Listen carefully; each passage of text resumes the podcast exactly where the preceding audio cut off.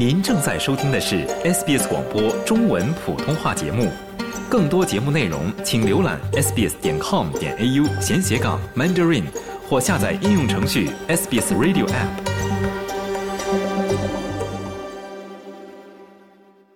在昆士兰的最北部，人们仍在计算 Jasper 气旋过后洪水爆发造成的损失。通往热带雨林与大堡礁的交汇处的苦难角的道路仍然关闭，前往丹翠的渡轮也只能提供必要的服务。比格斯是一家短期住宿提供商，他说：“关闭渡轮使当地的旅游业陷入困境。” We're all good to go, but um, you just can't get to the property at the moment, and we've we've lost about ten. 我们能够正常营业，但现在你根本无法到达酒店。到目前为止，我们已经损失了大约一万澳元。如果到一月底我们还没有收到更多的预订，损失还会更多。当然，你也失去了假期，因为所有的学校都重新开学了。复活节前，所有的假期也都结束了。昆士兰州州长迈尔斯宣布了一项由州和联邦政府联合提供的价值五百万澳元的一揽子资助计划。这项计划将为凯恩斯和道格拉斯港地区提供折扣机票和住宿，以鼓励游客重返这一地区。迈尔斯说：“随着昆士兰州的复苏，旅游业的持续发展非常重要。” Cairns and the states far north are global tourism icons. They are fantastic places to visit. And now is 凯恩斯和昆州的最北部是全球旅游业的标志，他们是绝佳的旅游胜地。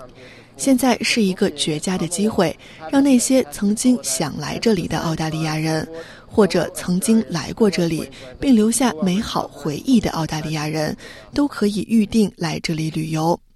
来吧，度过一个美妙的假期，同时支持你们的澳大利亚同胞，支持正在从灾难影响中恢复的昆士兰同胞。北昆士兰热带地区旅游局的奥尔森表示，他对资金的注入表示欢迎。It's our sincere thanks to the state and federal government for this really quick turnaround and this incredibly important. 我们衷心感谢州政府和联邦政府如此迅速地做出反应，并提供如此重要的支持。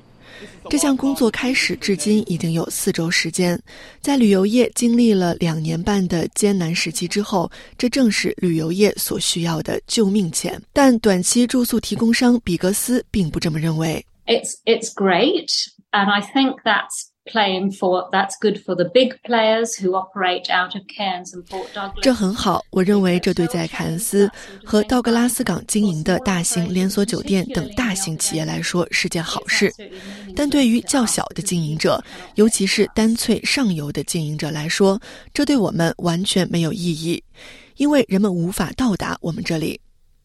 昆士兰州政府表示，他们非常清楚受灾的严重程度。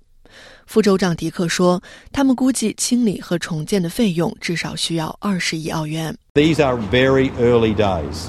We know there'll be at least a billion dollars 现在还为时尚早，我们知道至少需要投资十亿澳元来恢复道路和铁路系统等基本的基础设施，其中至少有五亿澳元将用于道路重建，但这只是初步的估计。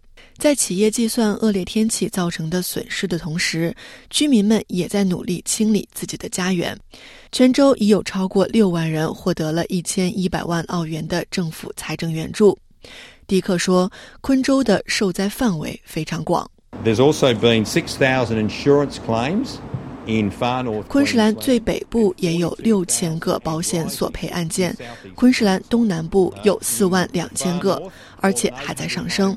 在最北部有八百多所房屋受损，在东南部这一数字约为五百，而且还在上升。在黄金海岸，市长泰特说，二十个郊区的七百条街道都需要清理。